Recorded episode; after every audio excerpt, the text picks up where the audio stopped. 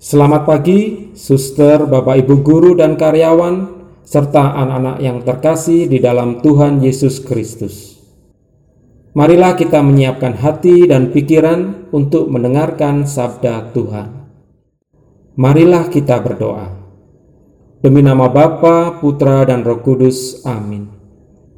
Allah Bapa yang penuh kasih, pada hari ini kami akan mendengarkan dan merenungkan sabdamu.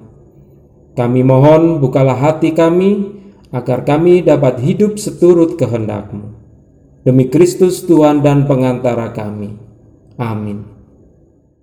Inilah Injil suci menurut Lukas. Dimuliakanlah Tuhan. Sekali peristiwa, Yesus bersabda kepada murid-muridnya, "Tidak ada orang yang menyalakan pelita lalu menutupinya dengan tempayan atau menempatkannya di bawah tempat tidur. Tetapi ia menempatkannya di atas kaki Dian, supaya semua orang yang masuk ke dalam rumah dapat melihat cahayanya.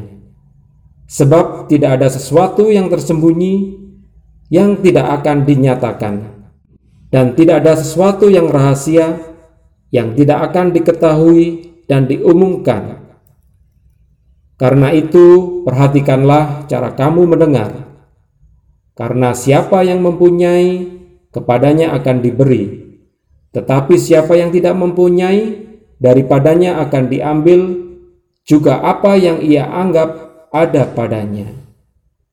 Demikianlah Injil Tuhan. Terpujilah Kristus.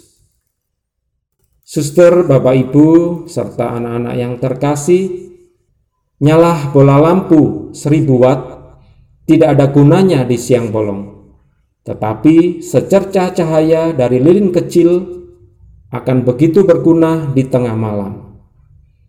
Di tengah kegelapan, setiap orang membutuhkan seberkas cahaya yang dapat meneranginya.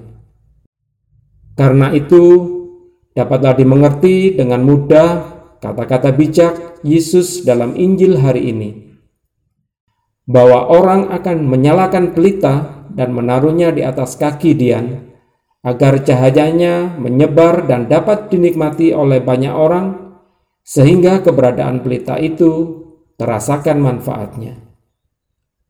Ketika Yesus mengajarkan para muridnya bahwa mereka adalah terang dunia, Yesus mengendaki agar keberadaan mereka menjadi sesuatu yang berarti dan bermakna bagi dunia.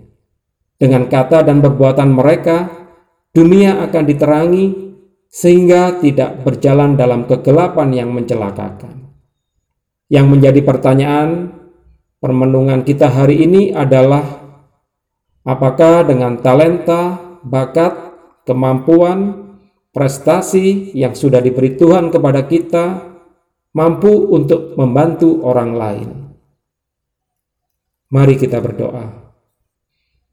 Allah Bapa sumber pengharapan, bantulah kami anak-anakmu untuk mampu mengembangkan segala bakat, talenta dan prestasi kami yang dapat memberikan cahaya bagi sesama dan kami persembahkan kepadamu demi Kristus Tuhan dan pengantara kami.